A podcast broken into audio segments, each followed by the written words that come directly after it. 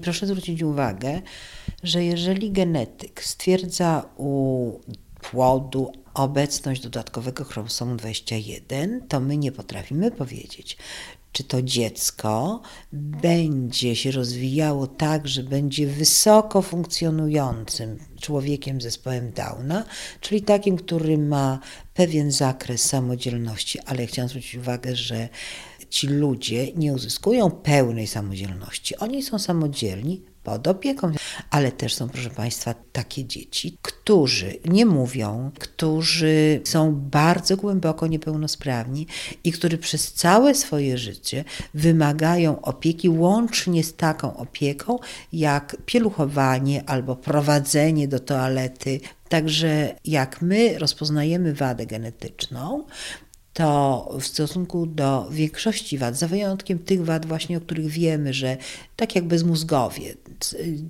płód obumrze albo natychmiast po urodzeniu, w stosunku do wszystkich pozostałych, my wiemy, że to będzie y, patologia, tylko nie wiem, że ona będzie ciężka, bardzo ciężka, czy też skrajnie ciężka patologia. I to jest nie do przewidzenia na podstawie wyniku badania genetycznego. Ale powtarzam, to nie jest pytanie, czy człowiek będzie chory.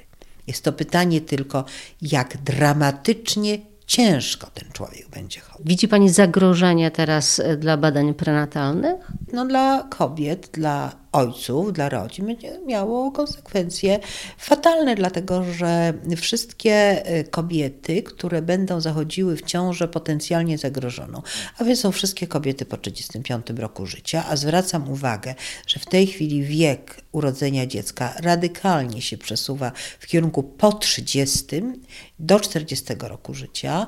Wszystkie kobiety, które miały w rodzinie osoby niepełnosprawne z wadą genetyczną będą albo unikały ciąży i nie będą zachodziły w ciążę, albo jak zajdą w ciążę, będą profilaktycznie jechały do krajów ościennych, aby dokonać aborcji. Jest oczywiście grupa kobiet, która decyduje się na urodzenie. Wiele z tych osób mówi o tym, że to z miłości do tego dziecka. Z moich doświadczeń, z moich doświadczeń wieloletniej praktyki wynika, że po pierwsze łatwiej jest się zdecydować na urodzenie dziecka, które umrze zaraz po porodzie. I rzeczywiście otoczyć je e, miłością i zapewnić im, e, temu dziecku śmierć w ramionach rodziców e, z zabezpieczonym takim bez, bezbólowym odejściem, prawda? Czyli na lekach przeciwbólowych, często na narkotycznych lekach przeciwbólowych. Tak, na to się ludzie decydują.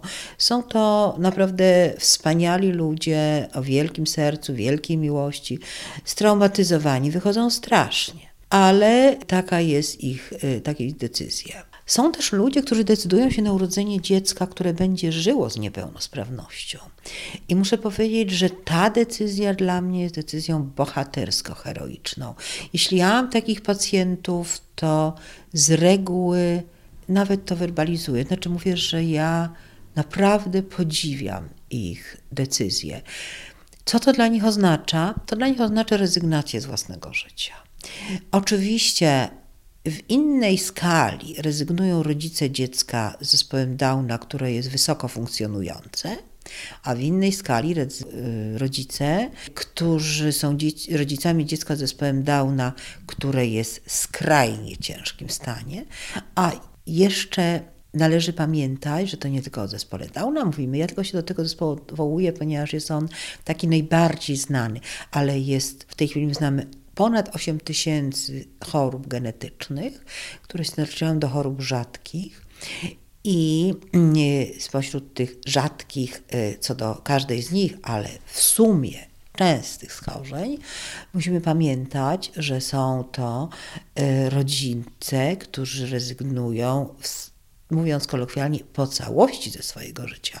Bo proszę pamiętać, że jeżeli się rodzi dziecko, jest malutkie, ma rok, dwa, trzy, jest niepełnosprawne, jest ciężko niepełnosprawne, nie widzi, nie słyszy, trzeba je pieluchować, trzeba je wykąpać, no to okej, okay, to rodzice zaniosą do wanny, wymyją, wyczyszczą, ale proszę pamiętać, że y, czas y, biegnie w przeciwstawnych kierunkach dla dziecka i dla rodziców.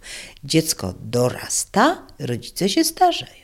I w pewnym momencie dochodzimy do takiego momentu, że mamy czternastolatka, dwudziestolatka, a rodzic jest o te 30 lat starszy, a ten człowiek rośnie, tyje, zaczyna mieć y, swoje własne nawyki, często ciężkie dla rodziny, a człowiek, rodzic jest coraz starszy, nie może już przenieść tego dziecka.